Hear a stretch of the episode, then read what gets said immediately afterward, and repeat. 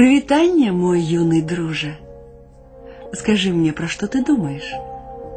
Про подороже ў спякотную Афрыку. Милый мой летутейник, твоя мара, конечно ж, здейснится. Только крыху подрасти, да подвучыся. Ну а зараз няхай краіна джунгляў сама прыйдзе да цябе ў госці. І прыйдзе яна ў казцы. Таму сядай зручней и слухай уважливо.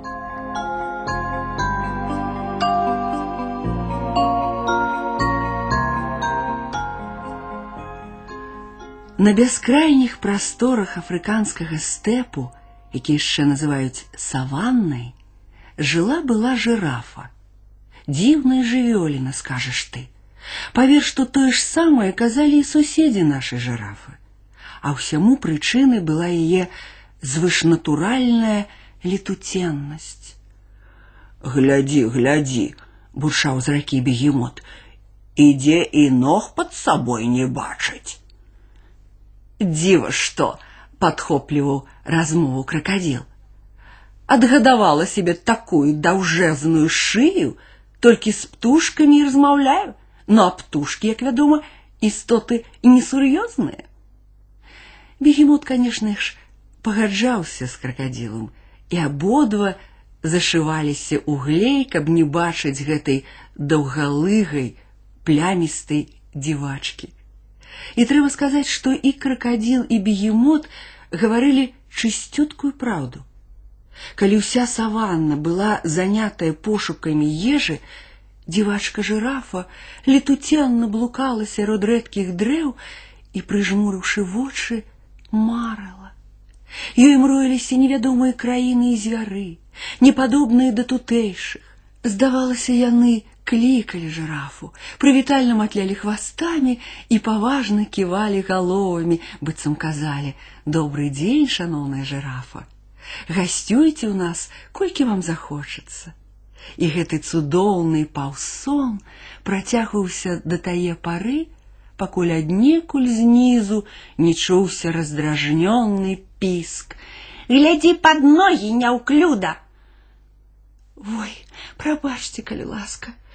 Спалохана ўсклікала жирафа і азіралася па баках. А вакол яе кішэў, бегаў, крычаў і галёкаў на розныя галасы звычайны афрыканскі дзень. І вось аднойчы блукаючы па гарачай саванне, жирафа раптам пачула нечый галасок.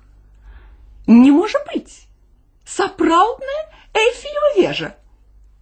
Гэта прамовіў спрытны чарнявы стрыж, які колькі дзён таму прыляцеў зімаваць у Афрыку. Прабачце, па звычцы адказала жирафа і ўтаропілася вачымі у стрыжа. Вы кто? Можете звать меня мсье Стрыжа. Весело выгукнул Стриж и приузнял свое зуховатое кепи. Кого Стрыже? Здивленно спытала жирафа и на усялякий выпадок додала. Пробачьте. Да никого, а просто Стрыже. Прозвище такое. Растлумачыў стриж и в свою шаргу спытаў: « А вас як зовут? жирафа.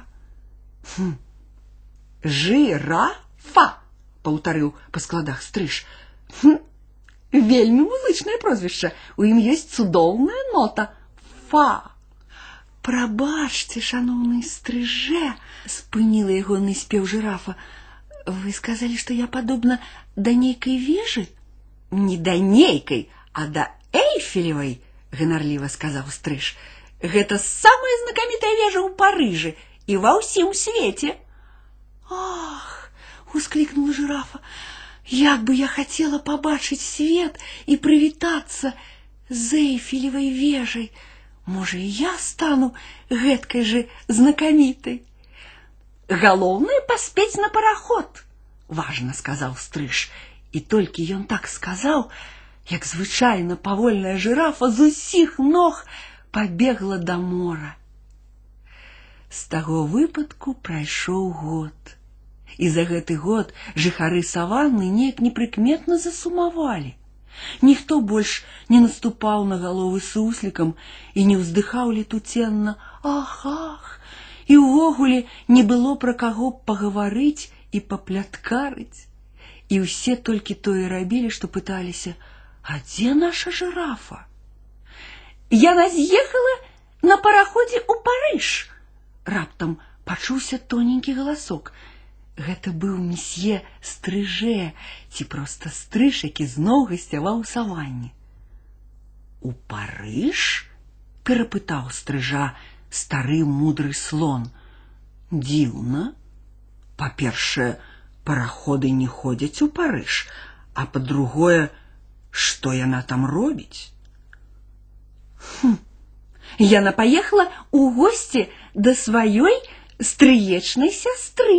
Эйфелевой вежы, отказал гонорливый стриж. А мне здаецца, сказал старый мудрый слон, что я натрапила у бяду, а докладней у зоопарк. Трэба ратаваць нашу жирафу. Ратаваць, ратаваць, пачулася адусюль, і ўвесь звярыны натоўп рушыў у бок мора, каб сесці там на параход і выратаваць жирафу. Але на беразе мора ніякага парахода не было, і толькі нейкі важны пан у акулярах загараў, лежачы на жоўтым пясочку і падклаўшы пад галаву чорны портфель. Убачыўшы звяроў, ён імгненна ўскочыў і закрычаў: « Вы не маеце права мяне чапаць. Я дырэктар парыжскага зоопарка, і я тут просто адпачываю. Верните нам нашу жирафу, загалёкалі ўсе звяры разам. Верните яе, і мы не зробім вам нічога благога. Дырэктар паправіў акуляры і спытаў: « А чаму вы думаеце, што жирафе дрэнна жывецца ў маім зоапарку? Гэта нам дрэнна без яе, адказаў стары мудры слон. І ёй без нас таксама. Аддайце нам жирафу. Пачуўшы такія словы, дырэктар тут же дастаў з чорнага портфеля телефон і пазваніў у зоопарк. Тры дні і тры ночы чакалі звяры парахода з жырафай, а раніцай чацвёртага дня з белага парахода на залацісты бераг сышла іхняя жырафа ў зграбным капялюшыку.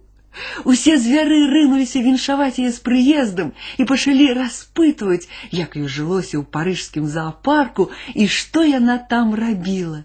Жырафа зноў як некалі летуцянна прыжмурыла вочы і сказала: « Я, я марыла, марыла ўбачыць залітую сонцам саванну раку і вас, мае любыя суседзі.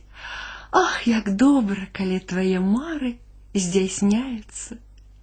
І сказаўшы так, жирафа павольна пакрочыла дамоў, а за ёй усе яе суседзі цяпер ужо сябры. Ну вось мой дружа і вся афрыканская гісторыя. Спадзяюся, ты зразумеў, пра што яна.